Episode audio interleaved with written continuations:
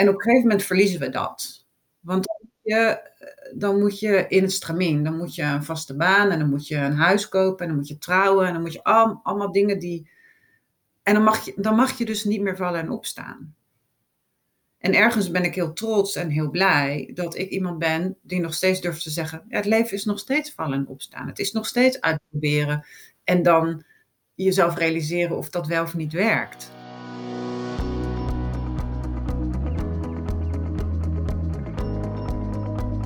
Mijn naam is Mijke Harten. Persoonlijke ontwikkeling is de grootste drijver in mijn leven.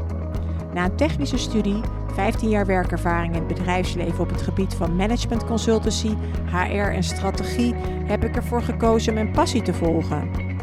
Sinds 2012 heb ik mij met veel plezier volledig gestort op mijn eigen ontwikkeling en het begeleiden van anderen in hun ontwikkeling. Pittige burn-out en de nodige paniekaanvallen hebben mij met vallen en opstaan geleerd hoe ik ontspannen en met plezier mijn passie en potentieel moeiteloos om kan zetten in succesvolle resultaten. In deze podcast deel ik mijn ervaringen om jou te leren de principes van mindset, energie en spiritualiteit te gebruiken om jouw potentieel volledig tot zijn recht te laten komen.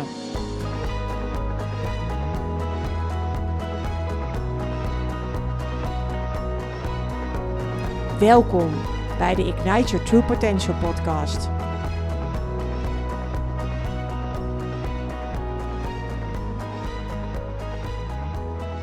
Welkom Brenda in mijn podcast. Ik vind het echt super leuk uh, dat wij dit uh, gesprek samen gaan hebben. Uh, een tijdje geleden post ik op mijn eh, social media dat ik een podcast ga opnemen. En toen reageerde jij met: Heb je nog een yoga-juf nodig die haar hart is gevolgd naar Spanje? Nou, dat triggerde mij eigenlijk meteen. Dat vond ik echt super leuk. Ik ken jou inmiddels zo'n 25 jaar, omdat we samen gestudeerd hebben in Eindhoven. En jij bent op een gegeven moment naar Spanje verhuisd. En ik heb jou daar een paar jaar geleden nog ontmoet in Barcelona, toen ik daar was voor mijn werk. En ja, ik kijk er gewoon enorm naar uit om jou, jouw verhaal te horen. Dus welkom. Dankjewel. Ja, ik vind het heel leuk. Ik, uh, ja, ik dacht dat toen ik dat las van, nou ja, misschien heb ik nog wel een verhaal waar je wat aan hebt. Dus ik, ik ben heel blij dat je het, dat je het leuk vindt om, om met me te praten hierover. Ja, ja, ik ben heel nieuwsgierig zelfs, zal ik je heel eerlijk zeggen. Maar hoe, hoe is het nu met je? Ja, nu, nu is het een beetje een rare dag. Want uh, gisteren is natuurlijk Nederland in lockdown gegaan, zoals jij dat heel goed weet. En ik zou vrijdag naar Nederland vliegen. Dus oh, ja. ja, dat is nu even, weet ik het niet zo goed. dus zo is het nu even. Dat is ook een kant van in het buitenland wonen. In ieder geval nu, dit jaar. Ja, het is allemaal heel bizar. Um... Hey, zou je wat willen delen over wie je bent en uh, wat je doet en hoe jij mensen helpt? Ja, ja. Het is een heel lang verhaal hoor. nou, we hebben de tijd. um, misschien moet ik een beetje achteraan beginnen, wat ik nu doe. Mm -hmm. um, ik ben uh, freelancer. Ik werk als, als vertaler Nederlands-Engels. Of Engels-Nederlands eigenlijk meer. En heel soms ook vanuit het Spaans naar het Nederlands. En daarnaast ben ik parttime yoga docent. En um, ja, dus eigenlijk mijn, mijn manier waarop ik mensen help is, is mijn yogalessen. Um, ik geef lessen in verschillende studio's en ik heb ook zelf twee lessen. Um, waarin ik natuurlijk het laatste jaar ook heel erg heb gezien dat dat yoga mensen heel veel steun kan geven in een tijd die gewoon heel zwaar is. Um, en waarin ik natuurlijk in Spanje ook heel veel mensen zie die uh, hun baan verloren zijn, die in uitkeringen zitten die soms niet betaald worden, die nou ja, daardoor problemen hebben. En um, ja, dat ik gelukkig twee, zelf twee lessen heb, uh, waar ik zelf een studio voor huur. En dat ik daarbij kan zeggen tegen mensen van, joh, het belangrijkste is dat je komt. Ja, mooi. Um, dus als er geen geld is of er is minder geld, laat dat geen reden zijn om, om niet te komen. Dus op, op die manier uh, ja, probeer ik mijn steentje bij te dragen om, om mensen een plek te bieden waar ze nou ja, tot rust kunnen komen. Want ja, mijn yogalessen zijn wel.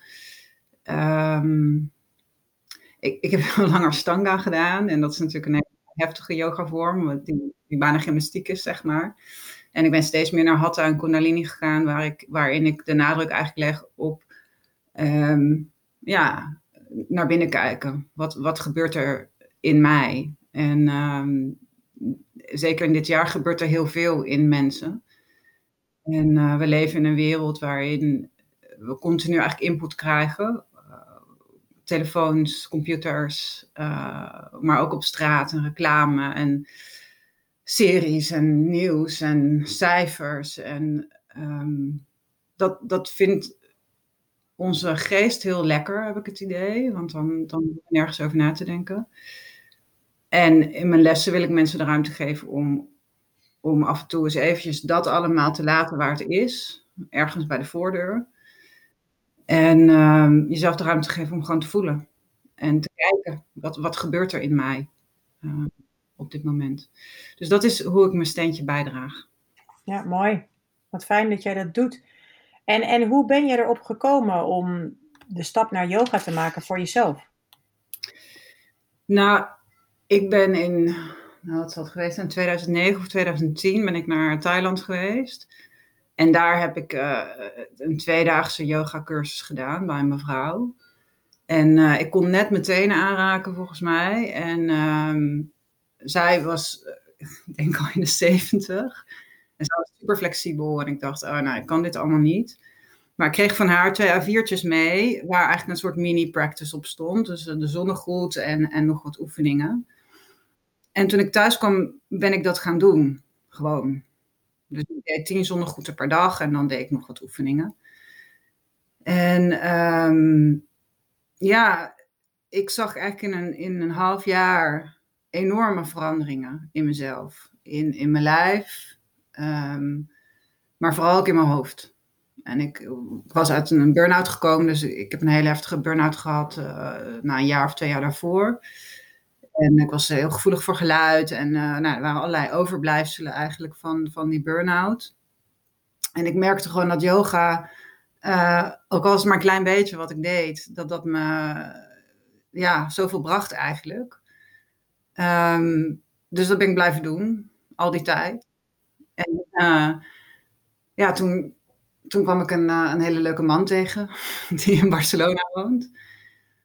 En um, ja, we hebben heel lang heen en weer gereisd. Ik was in Nederland en hij zat in, uh, in Barcelona. En um, op een gegeven moment was duidelijk dat, nou, Tim, het is een Nederlandse man trouwens, dat Tim niet terug wilde naar Nederland. maar dat we ook niet eeuwig een lange afstandsrelatie konden hebben. Dat, dat dat op een gegeven moment gewoon kapot zou gaan, daarom. En toen dacht ik, ja, wat houdt me eigenlijk hier? het is niet mijn baan, Uh, ik werkte toen parttime in het personeelswezen, wat prima was, maar niet mijn hart en passie en droom. En tuurlijk, je hebt familie en vrienden en, en die ga je allemaal heel erg missen, maar ja, ik dacht, zal ik dan maar gaan? ik weet nog dat ik dat tegen Tim zei, we waren aan het wandelen hier ergens in de bergen en uh, toen zei ik aan het einde van die wandeling, we waren helemaal afgepeigerd, zei ik ineens tegen hem, nou, zal ik dan maar verhuizen? En hij viel bijna van die berg af. Want ik had heel duidelijk aangegeven dat ik eigenlijk niet in Spanje wilde wonen. En uh, ja, toen hebben we het in werking gesteld. Dus toen uh, ben ik een jaar later ongeveer verhuisd. Want toen moest ik ook dingen afronden in Nederland. En nou het duurde even voordat ik daadwerkelijk in de auto naar, uh, naar Barcelona zat. Met, ik geloof dat ik twaalf dozen bij me had. en, en hier ging wonen. En wij woonden in een, in een heel klein appartementje, echt in het hartjecentrum van Barcelona.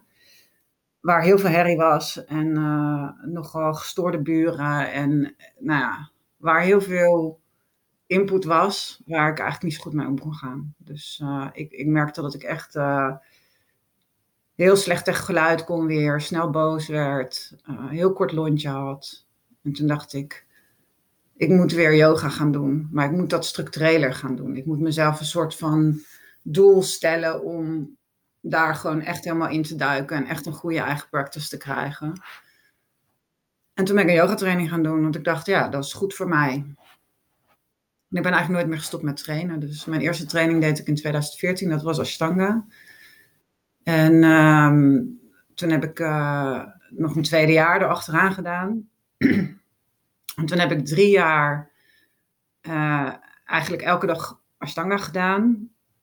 tot mijn lijf dat niet meer wilde. Ik had overal pijn en met name heel veel rugpijn. Kun je, kun je iets meer vertellen over wat Ashtanga yoga precies is? Ja, Ashtanga yoga is een, is een, eh, ehm, een vaste serie houdingen eigenlijk.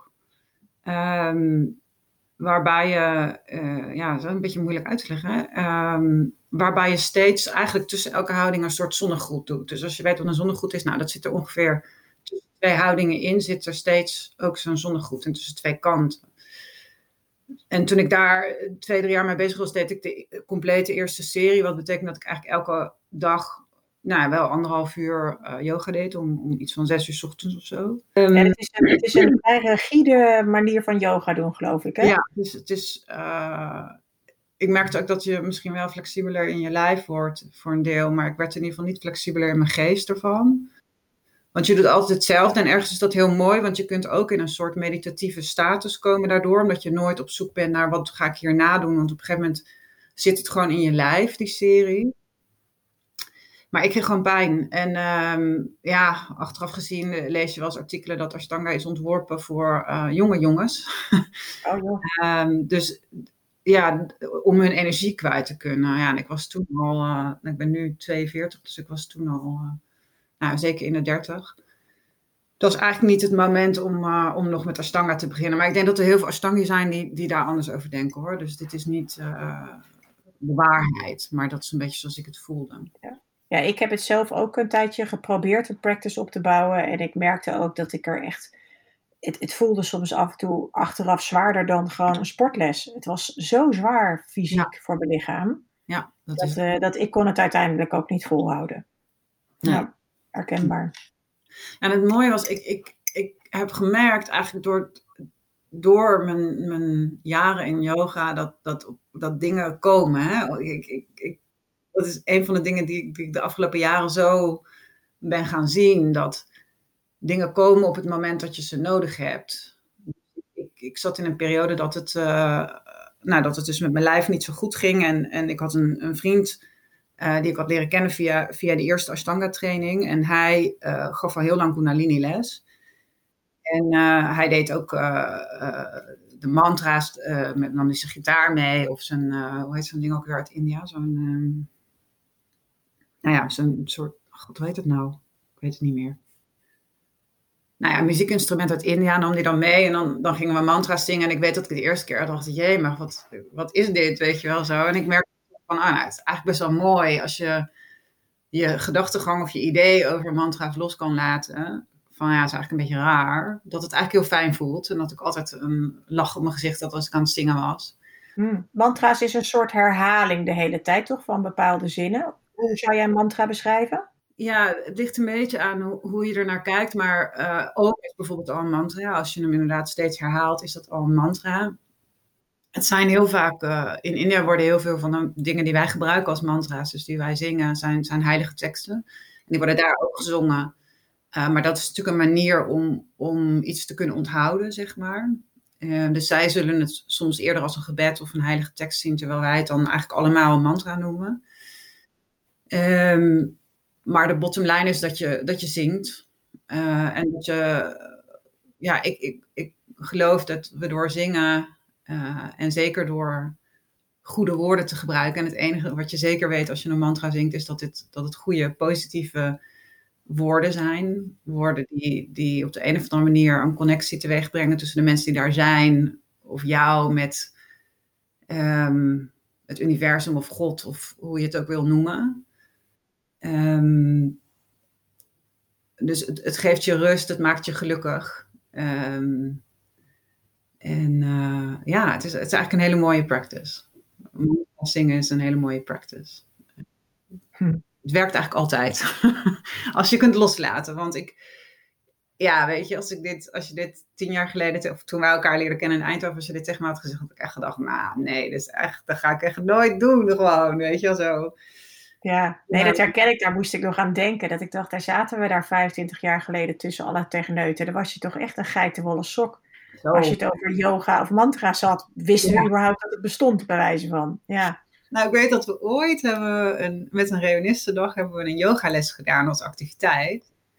En toen was eigenlijk, nou, laten we zeggen, 50% van de vrouwen die daar was, was eigenlijk heel de tijd heel hard aan het lachen over de teksten die de yogajuf zei. En, en, en ik denk dat ik wel een van degenen was die daar heel hard om moest lachen. Dus hm. ik heb wel een soort turn gemaakt daarin. Ja, boeiend. En, en, en, en dat is voor jouw gevoel echt gekomen doordat je dus in Thailand daar, laten we zeggen toevallig, mee in aanraking kwam. Ja, ja. Toen, want eigenlijk toen ik dat deed, was eigenlijk meer gewoon omdat het in een reizenboekje stond van, oh ja, dat kan je hier doen. En ik dacht, nou ja, waarom niet? Weet je, ik ben hier toch, laat ik het doen. En, uh, en, en mijn eigen experiment daarna, van, nou ja, laat ik dit dan thuis gaan doen. In plaats van naar de sportschool, waar ik onrustig van word. Zo'n zo'n practice iedere dag. Ja, en dat is, dat is een wereld van verschil. Ja, en wat kun je vertellen wat je dan ervaarde daarin, uh, zowel in het moment als je deed, maar je zegt volgens mij ook had het invloed op de rest van je leven. Wat, wat kun je daar wat meer van vertellen? Nou, zeg maar de eerste eye-opener kwam van mij toen ik, er, toen ik op een gegeven moment weer een beetje mee stopte. Dat ik uh, andere dingen ging doen en dat ik dacht, nou ja, ik had niet meer zoveel tijd, zeg maar. Of ik maakte er geen tijd meer voor. En dat ik merkte dat mijn hoofd weer drukker werd. Hm. Ehm, en, en ook natuurlijk gewoon uh, de hele duidelijke fysieke veranderingen die ik, die ik toch wel kon zien. Uh, die niet zozeer waren van ik krijg spierballen, maar ik was soepeler. Ik voelde me vrijer in mijn bewegingen. Ik, dat, weet je, ja. En ik denk dat mijn echte openbaringen over yoga pas heel veel later kwamen. Maar ik kan me nog goed herinneren dat ik dacht, zo, dat is eigenlijk best wel een groot verschil in korte tijd. En, en, en die, toen ik even stopte, dat ik dacht, oh, ik voel me weer zo druk in mijn hoofd. Hoe kan dat? Toen dacht ik, oh, ik heb alweer, weet ik veel, een maand of zo geen yoga gedaan. Ja. Dus het was voor mij ook wel een beetje zo trial and error. En, en erdoor, ja, gewoon door het te leven en te doen en niets doen, erachter te komen, wat, wat doet het met me? Ja, boeiend. En je vertelt eigenlijk kwam je echte openbaring, of je diepe openbaring, ik weet niet precies hoe je het noemde, kwam later. Zou je daar wat meer over willen vertellen? Ja, nou, wat, wat er gebeurde, waar, waarom ik dus op een gegeven moment zei van, ja, soms komen dingen gewoon. Die jongen waar ik dus over vertelde, over mijn, van mijn eerste training, uh, die ging op een gegeven moment een kundalini training geven, zelf. En toen vroeg hij aan mij van, wil jij assisteren? Want ik heb gewoon, ik kan het niet allemaal alleen, dus ik, ik heb soms hulp nodig met vertalen. En, en, uh, want het zou tweetalig zijn in het Spaans en in het uh, Engels. En, uh, maar ook met, nou weet je, dingen over hatha kan jij misschien beter uitleggen dan ik. Want ik had toen ook een hatha training net gedaan. En um, dus we hebben dat eigenlijk min of meer samen gedaan en zijn ze noemen dat in Spanje een intercambio. Dus ik weet eigenlijk niet zo goed hoe je dat in neemt. Maar een uitwisseling als het ware was dan, ik mocht de training doen bij hem. En ik zou ook gecertificeerd zijn aan het einde. Um, en er al daarvoor, nou ja, hand- en spandiensten. Wat hij nodig had, uh, dat was ik, zeg maar. En ik wist helemaal niks van Kundalini. Ik heb dat nog nooit gedaan. Dus ik dacht, nou, ik zal maar wel naar een Kundalini lesje gaan voordat ik uh, die training inga. En um, nou, ik vond het best wel raar eigenlijk. Want het is ja, want je duikt er dan toch zomaar in, hoor ik je zeggen. Ik bedoel, je weet niet wat je gaat doen en je zegt toch, ik kom de hele opleiding doen en meehelpen. Ja, ik kende hem en ik dacht, ja, ik vind hem fantastisch. Dus ja, ja. laat ik dat maar doen. Ik heb tijd. Ik werkte toen als Engels docent dus het, en was in, in juli volgens mij, de hele maand. En ik dacht, ja, ik werk niet in juli en augustus, want er zijn, uh, waren talenscholen natuurlijk dicht. Dus ik dacht, ja, ik heb eigenlijk toch niks anders te doen laat ik het maar doen. Zo. Dat is toch een beetje hoe ik, zoals ik in elkaar steek, dat ik dan denk, ja, nou ja, het komt op mijn pad. Misschien moet ik het maar doen. Ja, ja. En zo ben je ook eigenlijk naar Barcelona gegaan, of niet? Want ja, zo ben ik ook naar Barcelona gegaan, ja. ja. nou ja Wat zijn dan de opties? Ja, oké, nou, misschien moet ik dit maar doen. Ja, hoe reageert je omgeving daarop? Ja, eigenlijk over het algemeen zijn mensen er wel, vinden mensen het wel leuk ook. En uh, Tim die is natuurlijk aan gewend. Die, die weet niet beter. Dat ik op een zeg, nou ja, dit is het niet. Dus uh, ja, dan ga ik nu kijken wat op mijn pad komt. En dan komt er iets anders. Dan zeg ik, ik ga dat doen. Dan zegt hij, oké. Mijn ouders maakten zich daar natuurlijk wel zorgen over. Met name mijn vader. Die, die, die vond dat wel eens moeilijk. Zo van, ja, moet, als je iets gaat doen, dan moet je dat ook afmaken. En dan moet je dat... Nou ja, je kan niet zomaar, weet je wel, dat, dat zijn van die teksten die hij dan kon zeggen. Toen ik dacht, ja, dat kan dus wel. Ja, ja. Mooi dat je er zo sterk in stond. Ja. ja, want het kan ook wel, namelijk. Maar het is dan moeilijker om te springen vanuit een situatie zoals, weet je... Kijk, als, als je heel erg, weet ik veel, heel erg diep in een carrière zit... en je hebt een enorme baan ergens... en dan ga je niet zomaar naar Spanje verhuizen. Maar ja, als je in Nederland parttime werkt bij een bedrijf, het was een heel leuk bedrijf, maar de baan zelf, ja, dat zijn me eigenlijk niet zoveel. Toen dacht ik, ja, ik moet toch een verandering gaan. Het is tijd om een andere baan te zoeken. Ja, moet ik dat dan per se hier doen? Dit is dan ook wel een moment om te zeggen, nou, misschien moet ik dan Spanje gaan uitproberen. Het klinkt ook wel heel makkelijk als je het zo zegt, ja. maar toch denk ik niet dat het zo makkelijk is voor veel mensen. Nee, voor mij was het ook niet makkelijk. Weet je, ik weet nog heel goed dat. Natuurlijk, afscheid nemen in Nederland was vreselijk. Ik eh, had uh, een eigen appartement in Utrecht. Ik woonde heel vlakbij mijn twee beste vriendinnen, uh, die allebei kinderen hebben. En, een van, van die vriendinnen, nou, haar dochters, die, die, ja, die weten niet beter dan als ik in hun leven ben. Ik was daar altijd. Ik kwam daar iedere week eten. Ik, ik legde de kinderen in bed. Ik paste op ze ze, ze zijn met mij in hun leven 100% opgegroeid. Dus toen ik wegging, ja, dat was heel heftig. Ja. Dat is niet makkelijk. En ik heb het eerste jaar heel veel verdriet gehad daarvan. Ja, ook omdat ik wel dacht van ja, uh, als ik het wil doen, moet ik het gewoon, moet ik het nu doen. En, en, en ik dacht ook wel van ja, als het niet, als het niet goed is, dan ben ik ook zo weer terug, toch? Ja. Ik bedoel, die vriend die mij hierheen gereden heeft, die komt me ook wel weer ophalen als dat nodig is. Ja, dan ben je huis kwijt en dan heb je geen baan. Ja, dat is ingewikkeld. Maar dat is allemaal niet onoverkomelijk. Nee, dat, dat, is, dat is waar. Maar mooi, weet je, ik vind het mooi te horen dat je zo moedig daarin bent. Wat, wat is dat dan in je? Wat, wat, wat maakt dat je die stappen elke keer zo zet? Nou ja, het heeft dus heel erg te maken met, voor mij, als ik er zelf naar kijk, naar ehm, wat er op mijn pad komt. En daarna door en zeggen van, nou, dat, dat doe ik of dat doe ik. Er zijn natuurlijk ook dingen die ik niet doe en daar kan ik niet zo heel snel een voorbeeld van geven. Maar er zijn ongetwijfeld ook momenten geweest dat er iets op mijn pad kwam dat ik dacht, nee, nee, dit niet. Maar dat is moeilijker, want dat laat je ook gaan dan en dan ga je daar verder niet meer over nadenken. En weet je voor jezelf hoe je die check maakt of iets klopt of niet? Ja, ik heb het idee dat ik dat gewoon eigenlijk altijd best wel snel weet. Hm. En ik heb natuurlijk wel een soort vangnet. Weet je, toen ik hier naartoe ging, toen wist ik bijvoorbeeld heel duidelijk van heel veel Nederlanders die in Barcelona wonen, die werken in een callcenter. Ja, dat wilde ik. dacht, ja. En ik, sinds mijn burn-out heb ik nooit meer fulltime gewerkt. En dat kan ik ook eigenlijk niet. Alhoewel ik nu eigenlijk wel meer dan fulltime werk. Maar dat is, nou, daar kom ik later dan op terug. Ja, dat is, dat is een interessant. Ik heb ook het idee dat je best veel doet. Dus wat is fulltime werken dan, hè? Ja, nou ja, fulltime naar een kantoor, weet je wel. Om half negen ergens zitten. Om, uh, en dan hier is het ook, nog heb je een uur lunchpauze tussen de middags en ben je om zeven uur thuis. Ja. Ja, wat is mijn leven dan nog, weet je? En ook nog in een baan waarvan ik gewoon, nou laten we zeggen, ik kan met 99% zekerheid van tevoren zeggen dat ik die baan bij dat callcenter niet leuk ga vinden. Dat ik niet denk, oh yes, dit is mijn nieuwe droombaan of zo. Toen dacht ik, nou, ik kan eigenlijk best wel goed Engels. Ik ga zo'n cursus doen om Engelse les te kunnen geven kan ik part-time werken. En uh, nou, ik slaagde met vlag en wimpel. Ze waren echt verbaasd over hoe goed mijn Engels eigenlijk was. Dat ze echt dachten van, nou, je hebt vast Engelse ouders of zo. En zo ben ik begonnen hier. Engelse lesgeven. Ja, en dat was heel leuk. En dan komt dat ook op je pad of zo? Of hoe werkt dat dan? Hoe vind je dan de eerste klant of de eerste opdracht? Ja, dat is natuurlijk gewoon heel hard zoeken. En gewoon heel veel solliciteren. En, en ja, dat was best lastig, want uiteindelijk zijn ze hier gewoon heel erg bezig met dat iemand een native speaker moet zijn.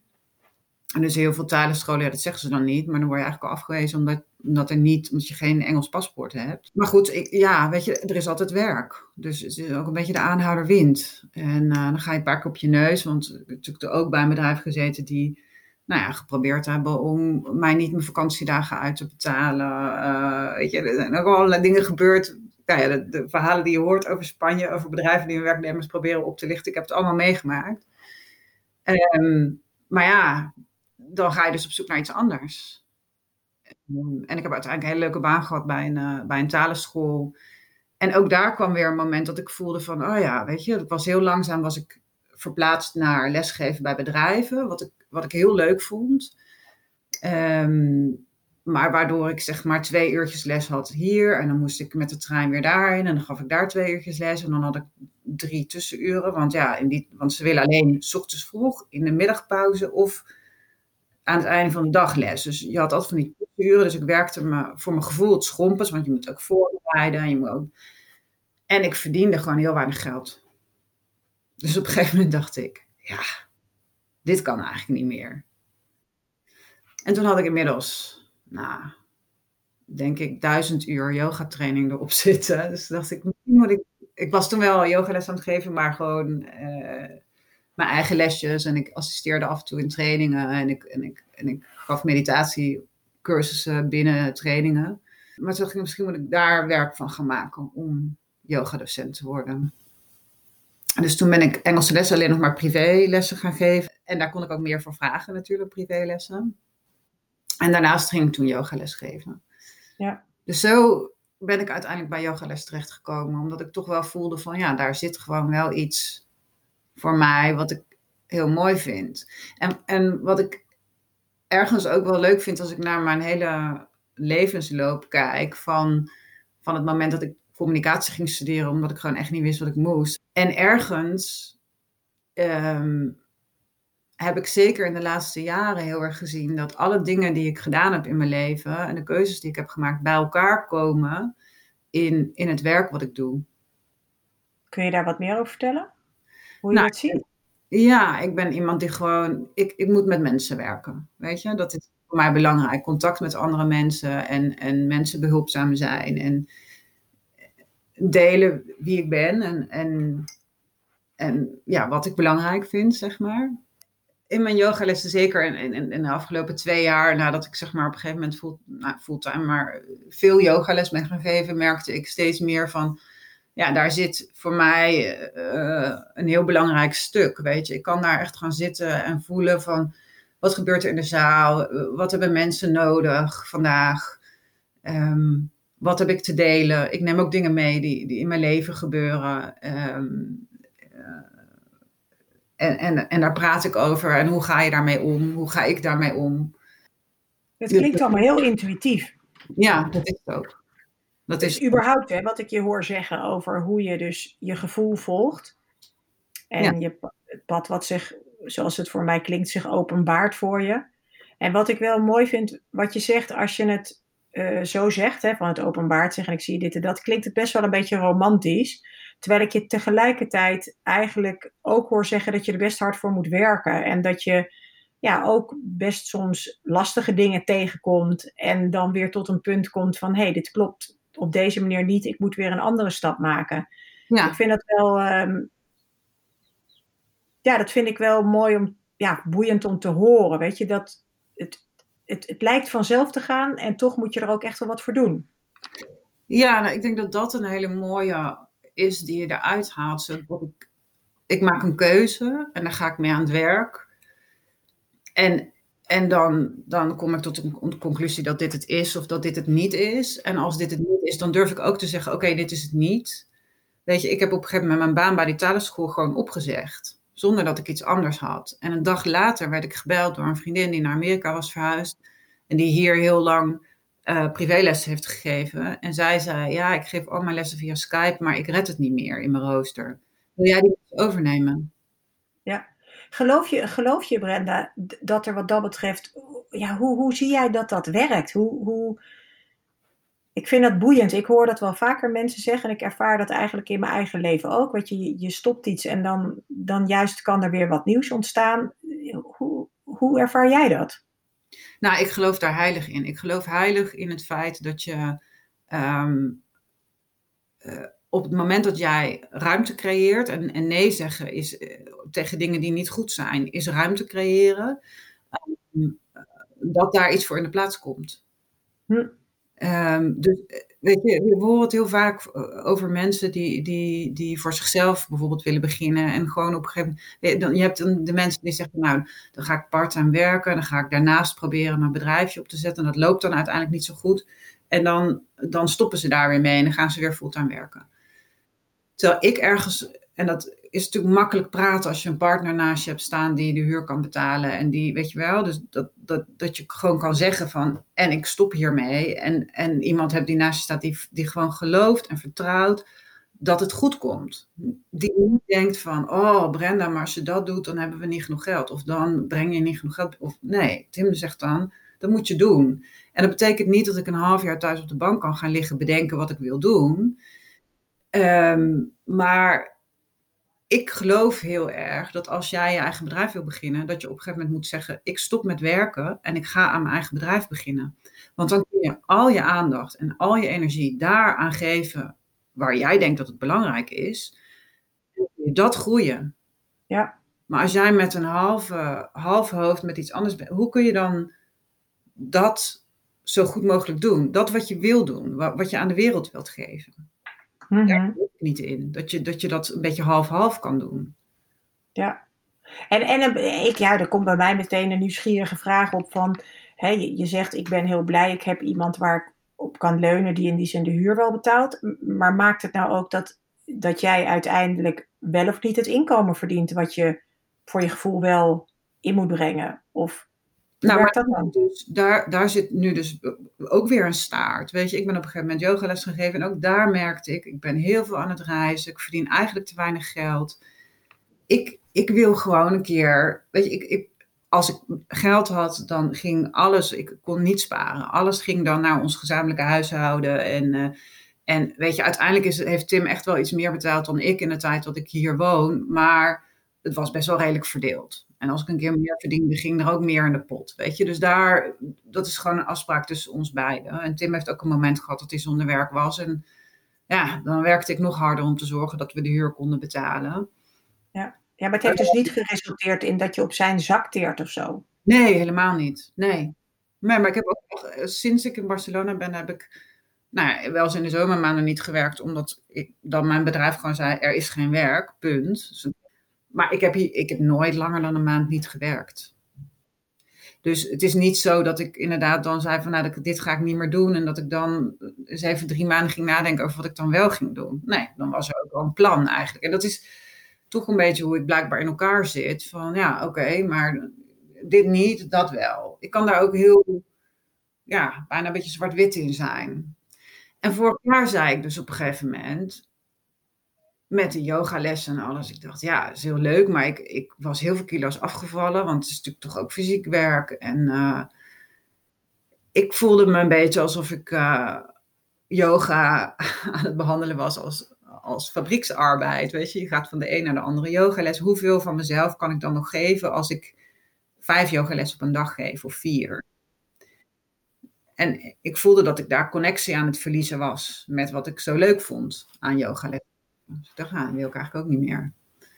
Ehm, maar wat, wat wil ik dan wel? nou, En toen sprak een vriendin van mij en die, die, was, die werkte hier als uh, language specialist of zoiets bij een, uh, bij een bedrijf, maar dat is heel veel vertaalwerk.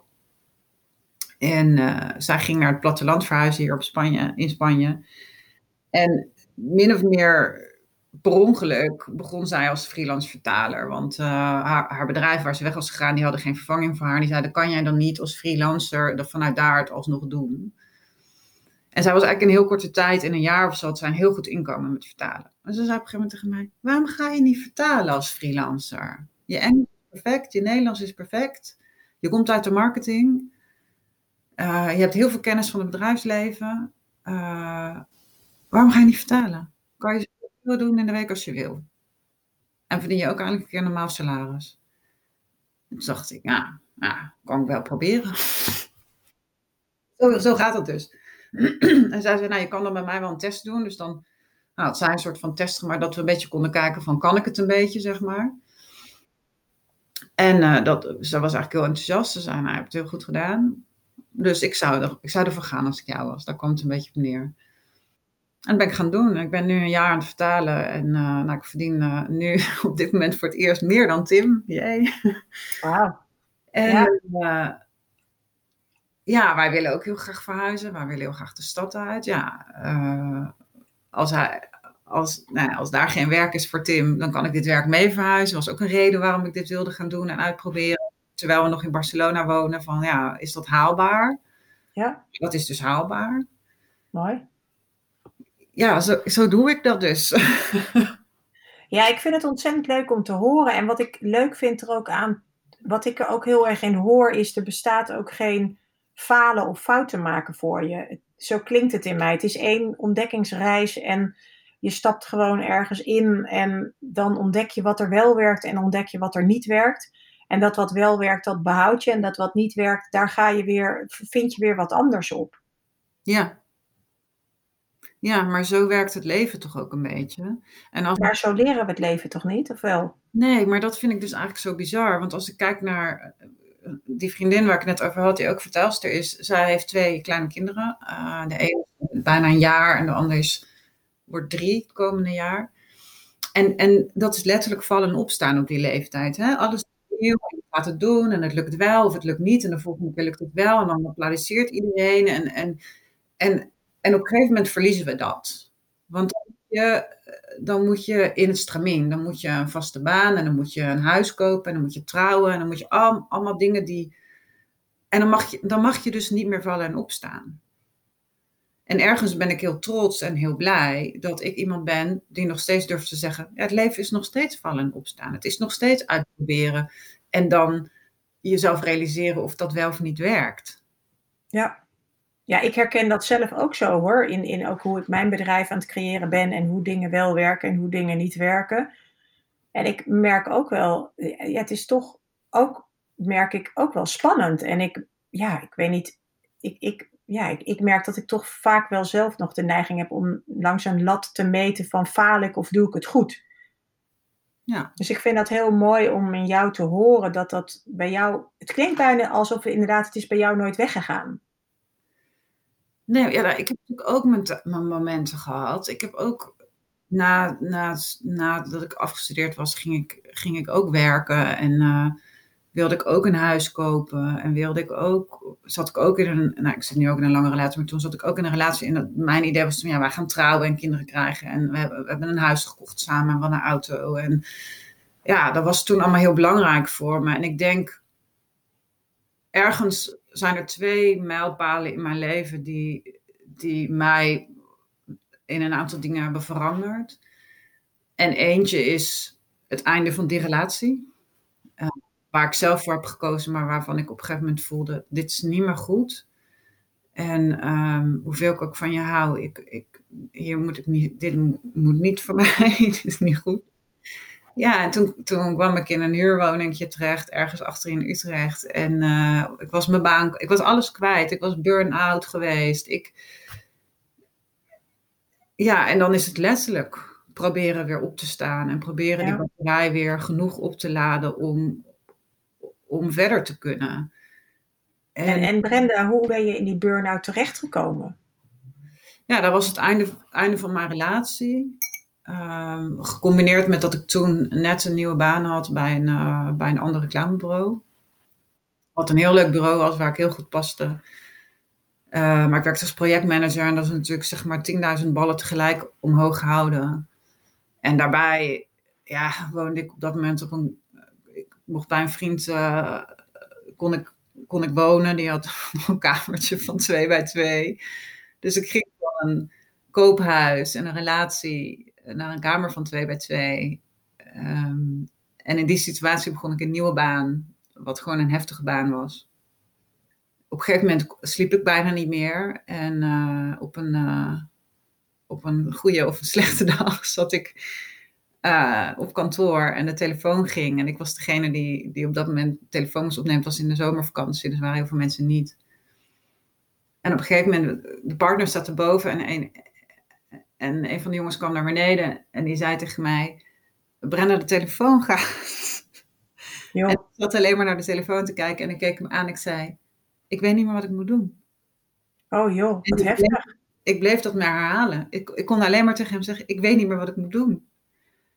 En hij zei, je moet naar huis. En je moet gaan douchen en je moet wat gaan eten. En je moet, uh, je moet even niet hier zijn. Oeh. En uh, dat was een, uh, is het, heeft uiteindelijk een, nou ja, niet, niet in die een mate natuurlijk een half jaar geduurd, maar dat heeft wel een half jaar geduurd voordat ik weer aan het werk was. Daarom ging ik ook die part-time baan in, in, het, in het eh, personeelswerk doen. Want ik ben die baan verloren. Mijn contract is daar niet verlengd, wat, wat logisch is. Pittig hoor. Ja, dat was heel heftig. Maar dan weet je dus ook weer wat het is om op de grond te liggen, omdat je hebt geprobeerd te lopen en het is niet gelukt. Sta je dan weer op? Ja. Dat voor mij is dat een eye-opener geweest van, oké, als alles wegvalt, mhm. hoe sta je dan weer op? Kun je daar wat over vertellen, hoe dat voor jou ging? Hoe ben je weer opgestaan? Ja, met heel veel hulp. Met heel veel hulp. Met therapie.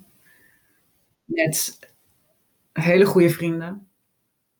Die gewoon op de stoep stonden en uh, met me gingen wandelen. Of uh, een taartje kwamen brengen. Of, en die tegen me zeiden: Nee, Brenda, je mag geen Damien Rice meer luisteren. Uh, want daar werd ik heel depressief van. Dat is hele prachtige muziek, maar erg depressief. Dus ja, en, en ook een vriend die op een gegeven moment gewoon tegen me zei: Brenda, je moet weer aan het werk. Hm? Dus je gaat vandaag naar tien uitzendbureaus. Of drie. Gaat, nou, hij zei niet tien. Hij zei: Je gaat vandaag naar drie uitzendbureaus en je gaat je inschrijven. En twee weken later had ik een baan. En was ik aan het werk. En had ik mensen om me heen. En had ik daar, kon ik daar ook weer een soort van gevoel van eigenwaarde uithalen. En ik heb vijf jaar bij dat bedrijf gewerkt. Zij dachten toen van, wat komt die hoogopgeleide hier doen voor een mbo-functie? En ik heb er al vijf jaar gewerkt met heel veel plezier en met hele fijne collega's. Ik heb, dat bedrijf is een van de bedrijven waarvan ik denk, als je het over goed werkgeverschap hebt, als je een bedrijf, over een bedrijf hebt wat echt voor mensen zorgt, dan is het dat bedrijf. Ja. Wauw. Dus het is eigenlijk wat ik jou zo hoor zeggen, wel ook heel erg je omgeving die jou ja, echt geholpen heeft, ondersteund heeft, gevoed heeft misschien ook wel, om echt weer op te kunnen staan. Ja, natuurlijk. Maar ik, denk, ik denk dat als je echt in een burn-out hebt gezeten, en ik, ik weet echt niet of jij het ooit hebt meegemaakt, maar als je echt helemaal eronder gaat, dan kun je eigenlijk niet alleen, denk ik, alleen weer opstaan. Nee. Nee, ik heb er nooit zo over nagedacht eigenlijk zelf. Maar ik, ik, ja, ik, ik, ik herken het wel. Ik heb zelf ook een burn-out gehad. Het heeft overigens wel even geduurd voordat ik echt erkende, denk ik, ook voor mezelf waar ik zat. Ja, als dat je op de grond ligt te huilen omdat het koffiezetapparaat niet doet wat je wil, dan kan je heel, eigenlijk heel lang door, ook al ben je in een burn-out. Ja. Ja, voor mij was echt een eye-opener. Nee, het was helemaal geen eye-opener. Maar juist wat ik zo wonderlijk vond, hoe ver kun je gaan? Hè? Ik, ik, ik heb zelf meegemaakt dat ik uh, in de parkeergarage inreed met mijn auto en dat ik om naar mijn werk toe te gaan en dat ik mijn auto in een betonnen paal parkeerde. Uh, in de parkeergarage dat ik uitstapte, dat ik keek, oeh, daar zit wel een lelijke deuk in. Dat ik hem toch maar even netjes tussen de lijntjes zette en gewoon ging werken die dag. Ja. En als ik daarop terugkijk, dan denk ik echt, wat? Maar dat vond ik toen niet meer dan normaal. Dus hoe ver je over je grenzen kunt gaan, is, vind ik wel amazing. Ja, dus dat is volgens mij de eerste geweest, de eerste, ja, voor mij wel een eye-opener geweest. Pas later natuurlijk ook, maar van ja, eh, je kan wel alles van tevoren plannen, alleen eh, dingen lopen nooit zoals je ze bedenkt. Dus leef maar het leven wat, zoals het voor je ligt, zeg maar. In plaats van altijd maar bezig te zijn met wat er over vijf of tien jaar moet gebeuren. Uh, en de tweede is, is mijn vader, dat weet je, die, die, die, toen ik 19 werd, toen ik 19 was, werd hij ziek. En um, nou, dat, dat, dat heeft enorme impact gehad, want hij heeft toen een, een, een, een experimentele behandeling gehad, waardoor hij eigenlijk nou ja, de, de 20 jaar daarna of zo altijd de consequenties van die behandeling heeft moeten dragen. En dat heeft hij met heel veel zwier gedaan. Ehm, maar zijn leven is nooit meer hetzelfde geworden. En hij was iemand die zijn eigen bedrijf had, die heel hard werkte. Echt heel hard werkte. Ik kan me niet anders herinneren dat mijn vader heel hard werkte. En die altijd heeft gezegd: als ik met pensioen ben, dan ga ik dit. En mijn vader is nooit met pensioen gegaan. Hm. En uh, dat, dat heeft mij wel Weet je, en, ook, en ook al was hij een van die mensen die, die juist ook tegen mij bleef zeggen van ja, maar je moet toch een plan hebben. En jij, je moet toch dit en je moet toch dat. Tot het laatste deed hij dat, weet je. Maar ik heb daarnaar gekeken en gedacht, ja, maar ik leef nu. Ja, ja. En ik ga niet wachten tot ik met pensioen kan. Want één, kunnen wij misschien wel nooit met pensioen. En twee, misschien ben ik er dan wel niet meer. Ja. Dus ga ik dan nu in een baan zitten die ik niet tof vind, omdat ik bang ben voor wat er gebeurt als ik die tof, baan die ik niet tof vind niet meer heb? Of ga ik ruimte maken voor iets anders? Ja, mooi hoe je dat vertelt, Brenda. En ook wel helder in, ja, toch ook wel echt je eigen leermomenten daarin. Hè? Zelf inderdaad die telefoon die maar blijft rinkelen en dat je niet weet wat je moet doen. Ja. Ja, dat dat echt zo'n ja, moment is waar je echt iets anders moet gaan doen. En je vader die op een bepaalde manier heeft voorgeleefd en waarvan je zegt, ja, zo wil ik het niet. Nee. Ja, dat je daar toch heel duidelijk een andere keuze op hebt gemaakt. En ik heb heel veel van hem geleerd. Weet je, wat het mooie is, en dat, dat zal hij misschien daarboven op zijn, uh, op zijn wolk anders denken, maar wat ik heel erg het gevoel heb, is dat zeg maar, het feit dat ik nu voor mezelf werk en dat ik heel hard, ik werk heel hard, weet je. Het is niet dat ik de hele dag een beetje zit relaxen en af en toe een vertalingje doe. Nee, ik werk echt wel hard. Um, dat heb ik van hem. Dat door, dat, weet je, je schouders eronder kunnen zetten.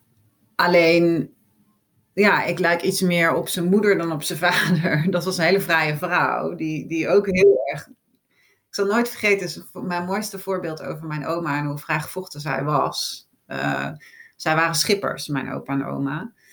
En mijn oma was degene die de broek aan had in huis. Uh, mijn opa die kon heel erg schelden en die kon heel erg de baas spelen, maar hij was niet de baas.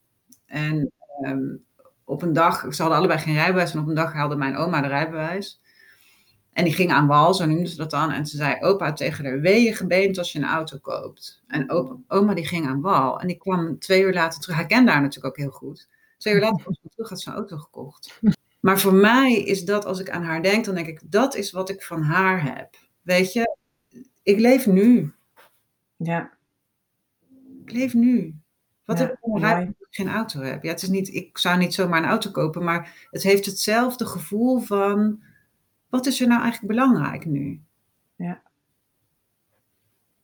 Ja, wat mooi dat je daar zo'n verbinding mee hebt. Nou ja, misschien dat je het hebt sinds de telefoon maar door blijft rinkelen. Dat weet ik niet precies. Maar ja, dat is wel. Uh, ik geloof ook wel dat dat.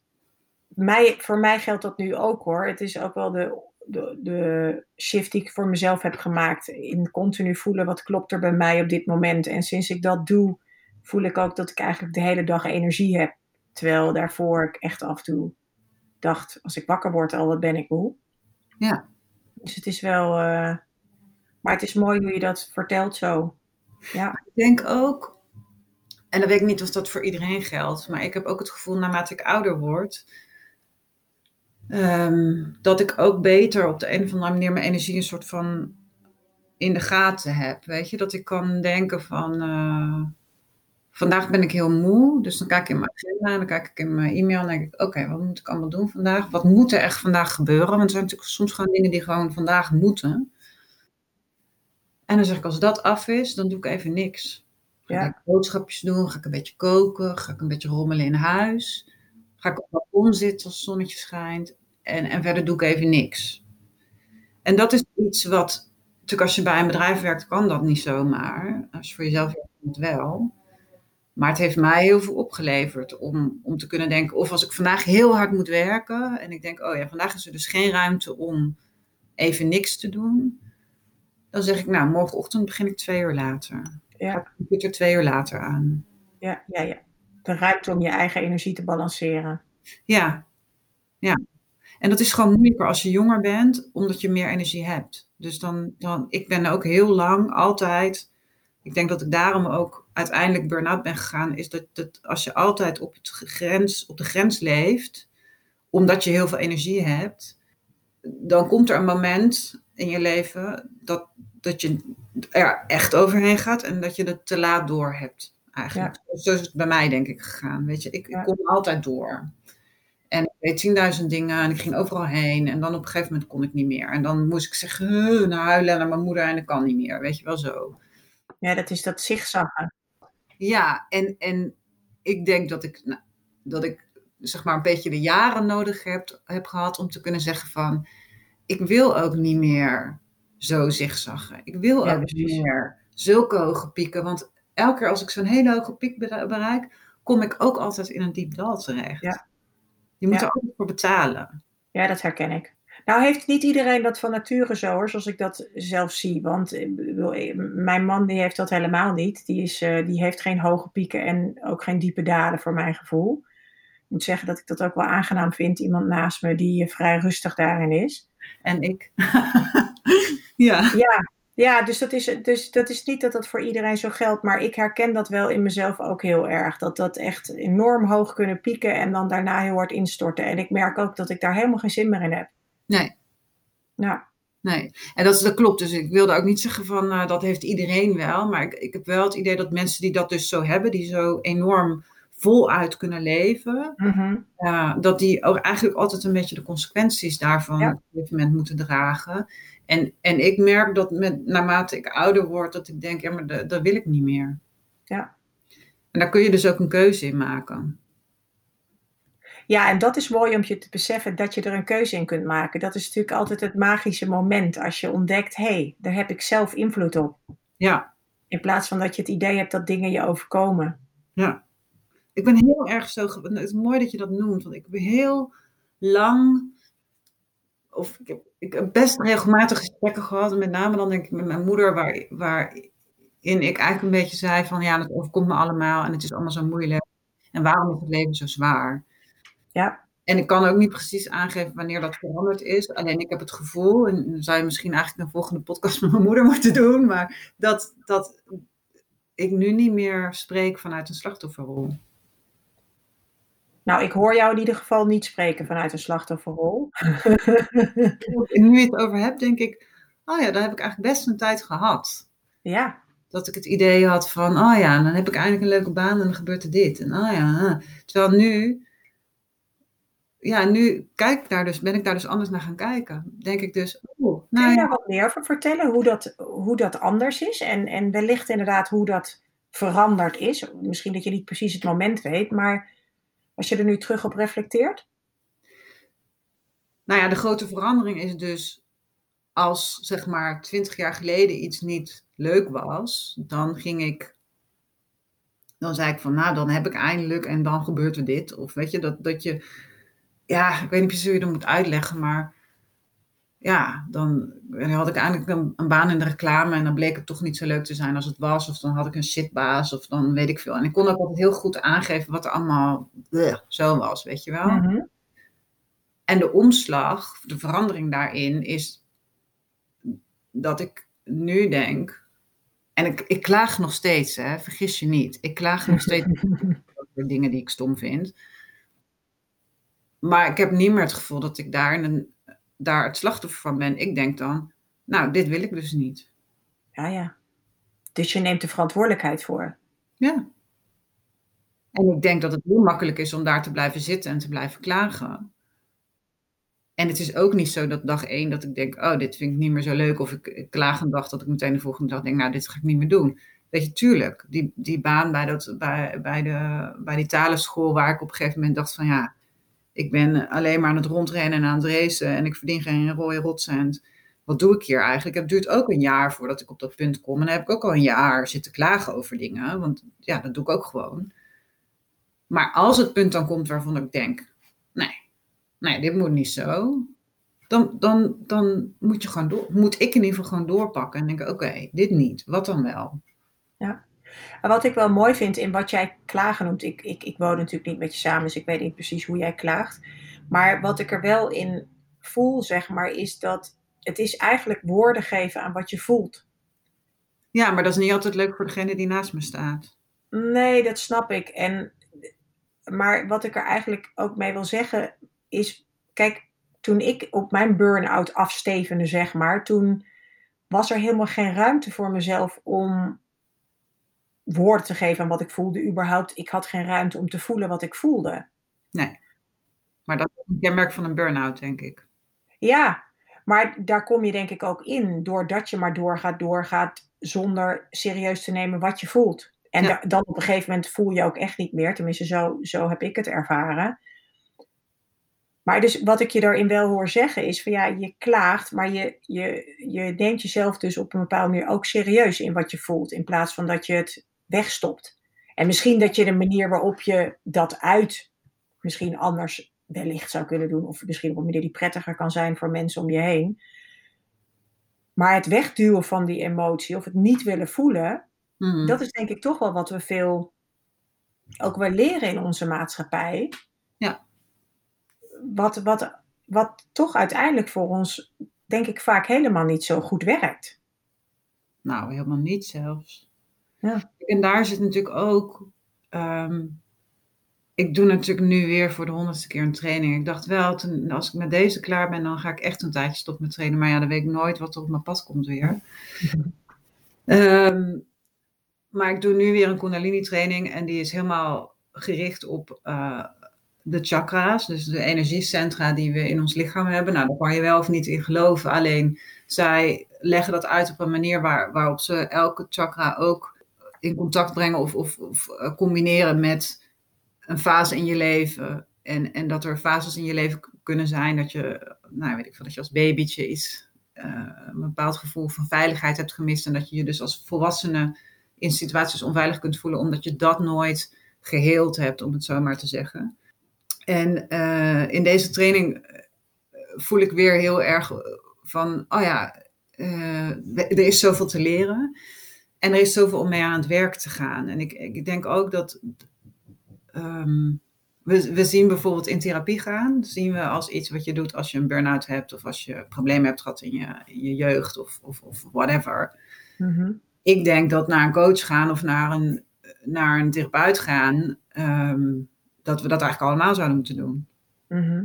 En dat is eigenlijk mijn idee nu van ik, als deze training klaar is, want dat kost natuurlijk ook weer een pot geld dan ga ik daar geld in investeren. In een, in, of een coach waar ik online naartoe kan, of een, een therapeut waar ik gewoon een, een tijd lang.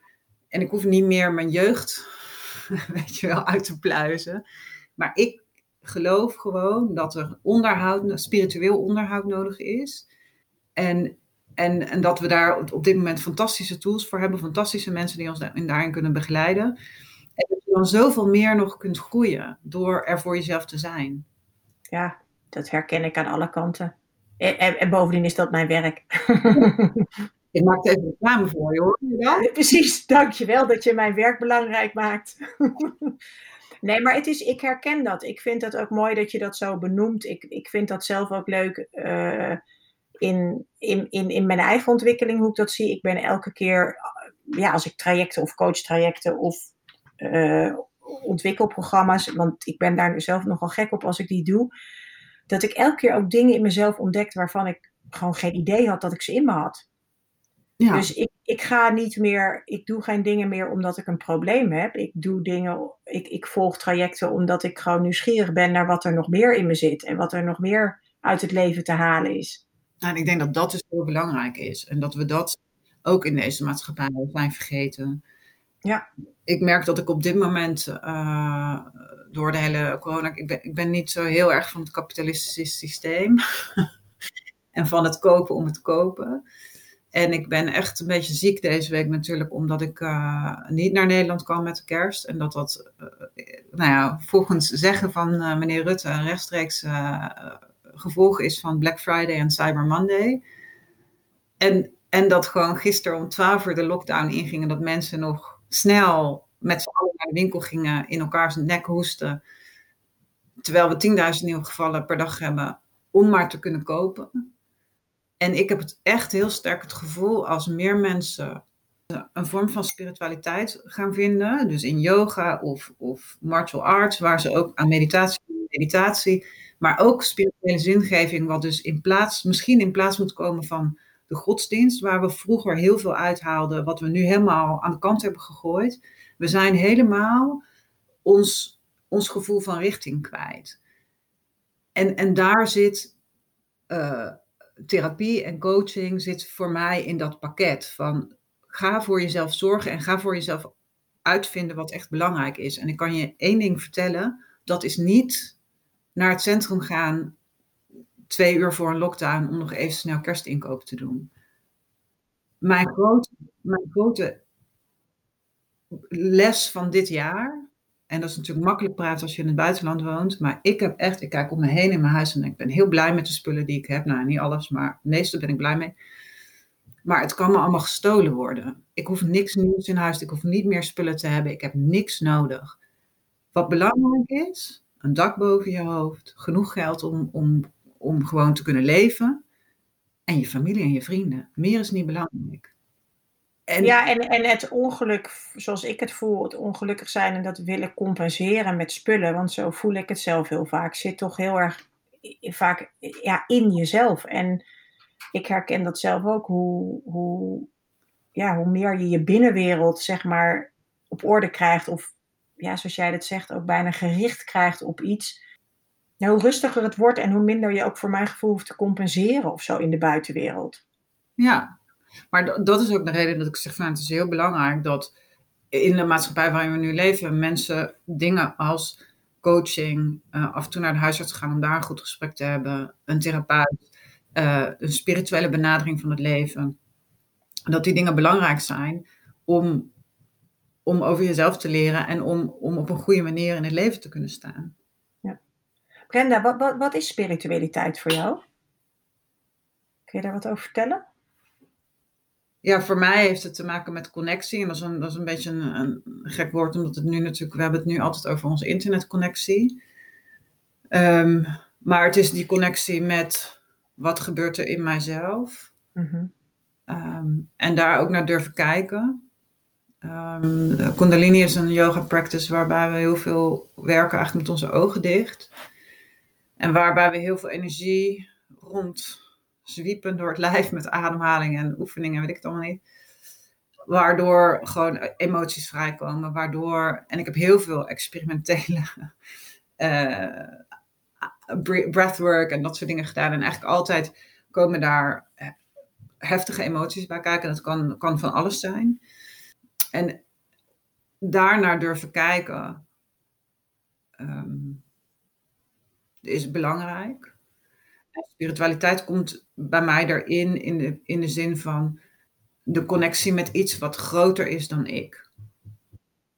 De connectie, en, en ik denk dat al het werk wat ik doe met yoga, met meditatie, met, met breathwork, met dat soort dingen, dat dat zeg maar een soort van het voorbereiden is van je lijf en je geest voor een connectie die met iets dat groter is dan jij.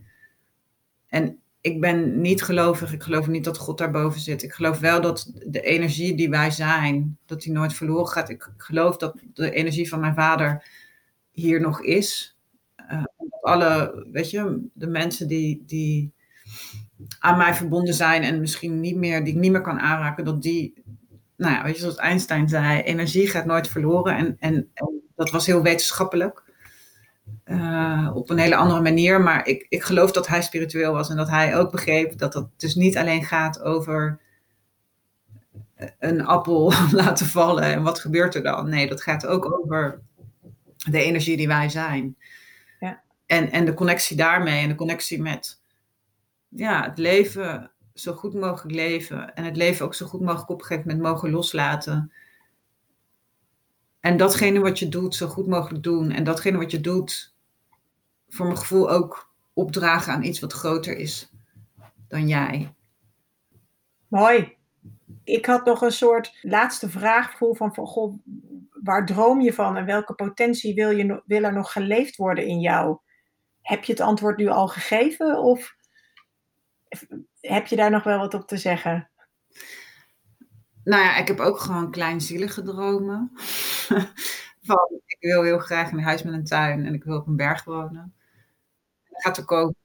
En dan, uh, nou, dan, dan moet ik weer een beetje in diepe springen. Uh, in die zin dat ik waarschijnlijk mijn yogawerk moet opgeven en dat op een andere manier moet gaan inkleden. En dat ga ik dan ook gewoon doen. En daarnaast, ja, ik denk dat, zeg maar, als ik het heb over een droom die groter is dan ik, dan hoop ik echt dat, dat, dat we collectief dat gevoel van spiritualiteit gaan terugvinden. Dat gevoel van waarom ben ik hier? Wat heb ik bij te dragen? En hoe kan ik daar het allerbeste aan bijdragen? En dat we dat, dat, we dat met z'n allen gaan voelen. In plaats van, in plaats van steeds maar weer kopen. ja, ik denk dat dat een grote droom is. Ja, nou die, die, die, die droom die deel ik met jou. Mijn, mijn podcast heet niet voor niks Ignite Your True Potential. True Potential. Brenda, ik vind het echt super uh, wat je allemaal gedeeld hebt. En uh, er zit voor mij ontzettend veel waarde en rijkdom in. En ik hoop dat de luisteraars uh, deze waarde en rijkdom ook kunnen vinden in deze podcast. Misschien moet je hem zelfs, mag je wel een paar keer afluisteren om alle pareltjes te vinden. En ik wil jou vragen, eigenlijk heb jij, ja, misschien wel samenvattend, maar misschien ook nog wel nieuw, nog drie tips die jij mee wil geven? Nou ja, mijn eerste tip is denk ik heel duidelijk. En dat is, uh, uh, vind een coach of een therapeut of iets waarbij je ja, de dingen die vastzitten in jou aan het licht kan brengen. En, en, en de lucht kan geven die het nodig heeft om het achter je te laten. Um, want daar groei je van en daar word je een beter mens van. En ik, en ik denk als ik terugkijk naar, naar mijn burn-out periode, dan, dan, dan denk ik, omdat ik weet dat heel veel vrouwen met name vrouwen. Het komt natuurlijk ook bij mannen voor, maar het komt met name bij vrouwen voor. Als je het gevoel hebt dat je niet meer door kan, vraag om hulp. Weet je, er, er is gewoon hulp. En, um, Zeker. Ik, ik heb een tweede keer bijna in een burn-out gezeten. En natuurlijk was het toen voor mij makkelijker om het te herkennen. Want een, een eerste burn-out, ja, je, inderdaad wat jij ook zei, je loopt maar door. En op een gegeven moment kan je niet meer. En dan denk je, oh ja, ik ben eigenlijk, was een half jaar geleden eigenlijk al burn-out. Nou, dat, dat ja. gebeurde mij gelukkig niet een tweede keer. Maar toen merkte ik ook dat als je er op tijd bij bent, om het zo maar te zeggen, en, en dan naar een coach gaat of de juiste hulp zoekt die, die bij jou past, dat je eigenlijk heel snel weer verder kunt. Ja. Zonder dat je batterij helemaal leeg hoeft te zijn. Um, dus, dus ik denk dat die belangrijk is. Als je het gevoel hebt dat je, dat je op zo'n punt zit, um, ook wel is moeilijk om te erkennen, uh, als je vroeg genoeg zegt, ik heb het moeilijk, waar kan ik heen? Uh, dat je ook eerder uh, verder kunt. Alleen weer. En, ja, en voor de rest ja, kan ik natuurlijk alleen maar zeggen als yoga, je gaat allemaal yoga doen, want het is fantastisch. ja, ik denk dat dat de beste tip is. Ja, Nee, ja, ik heb ook zelf ook lang yoga gedaan, nu al een tijdje niet meer. En ik denk ook de hele tijd, oh, ik moet echt weer beginnen. Uh, voor mij is het ook een ontzettende doorgang geweest in ja, veel meer in mezelf kijken, in mezelf voelen, bij mezelf komen. Dus in die zin uh, beaam ik dat wel. Ja, en ik, ik denk serieus dat een deel van mijn vertrouwen wat ik heb, van als ik nu ergens nee tegen zeg, dan komt er een ja, dat ik dat van, het yoga, van yoga heb. Ja. Een soort vertrouwen dat het universum of God of hoe je het ook wil noemen, er ook voor mij is. Ja ik maar durf te vragen wat ik nodig heb. Ja. Toe te geven aan mezelf wat ik nodig heb. Ja. Ja, dat zit denk ik ook, dat, dat is yoga eigenlijk ook. Hè? Wij, wij in onze westerse wereld zien wij yoga natuurlijk heel erg als een paar houdingjes op een matje.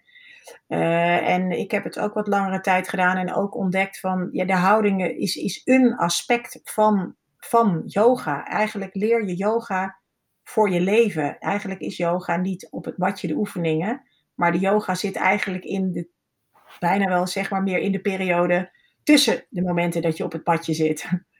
Ja, en die heeft dus te maken met die connectie, die verbinding. Ja. Die, ja. En dat is ook heel mooi, want een van mijn docenten afgelopen weekend stortte haar hart min of meer uit. En die zei, yoga kan niet bestaan zonder spiritualiteit. Dus en natuurlijk mag je naar yoga komen en gewoon je oefeningen op een matje doen en verder niks. Dat is prima. Er is ook niks aan verloren in die zin is nog steeds goed voor je. Goed voor je geest, goed voor je lijf. Fantastisch.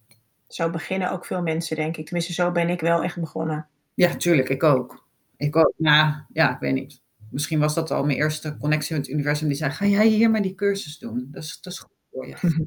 maar um, zij legde heel duidelijk de link met spiritualiteit. En, en dat je naast de fysieke practice en je meditatie-practice en alles, dat, dat, dat, het, dat het groter moet zijn dan dat. En dat het dus een combinatie moet hebben met uh, een boeddhisme of een. Of een in India was, was het onlosmakelijk verbonden met godsdienst ook. Iemand was yogi en uh, hindoe, yogi en jain, yogi en... Maar ze hadden altijd een andere spirituele, of dat hebben ze vaak nog steeds, een spirituele uh, stroom waarmee ze levensvragen beantwoorden.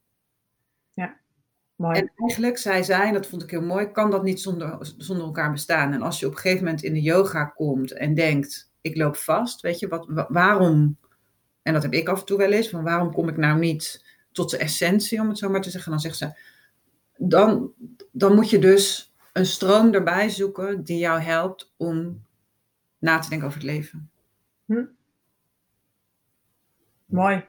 Mooi, mooi om daarmee ook af te sluiten. Nadenken over het leven. Dat is sowieso een mooie vraag. Dan gaat er bij mij van alles lopen. Laat, dat is voor de volgende podcast, Brenda. Hey, ik vind dat je ontzettend veel moois hebt uh, gedeeld. En ik hoor, uh, je bent op dit moment yoga-juf, zoals je het zelf noemde, en vertaalster. En ik ben wel heel erg benieuwd um, of je nog kunt delen waar, waar we je online kunnen vinden als we meer over jou willen weten. Ja, nou eigenlijk het makkelijkste is, is Instagram. Want dat is volgens mij het enige waar ik ongeveer nog echt regelmatig op zit. Ook te weinig eigenlijk. In de zin van als mensen. Maar ik reageer wel berichten en zo. Uh, dat is meer yoga gerelateerd eigenlijk, maar als je gewoon Brenda Hofman zoekt, volgens mij aan elkaar met zo'n underscore ervoor en daarachter, uh, dan vind je mij. En uh, nou ja, voor, wat vertalen kun je me vinden op LinkedIn, ook gewoon Brenda Hofman en dan vind je me waarschijnlijk ook Barcelona. Informatie over Brenda zal ik ook in de keynote zetten. Dus daar kunnen jullie sowieso even kijken als je meer wil weten van Brenda. Daar zal ik de linkjes in zetten. En uh, voor nu wil ik dan zeggen, uh, Brenda, echt super dankjewel dat je je verhaal met mij hebt willen delen. Super leuk dat je luisterde naar deze aflevering van de Ignite Your True Potential podcast. Als je het leuk vond wat je hoorde en je de volgende aflevering niet wil missen, abonneer je dan nu en laat een review achter, zodat meer mensen deze podcast kunnen vinden.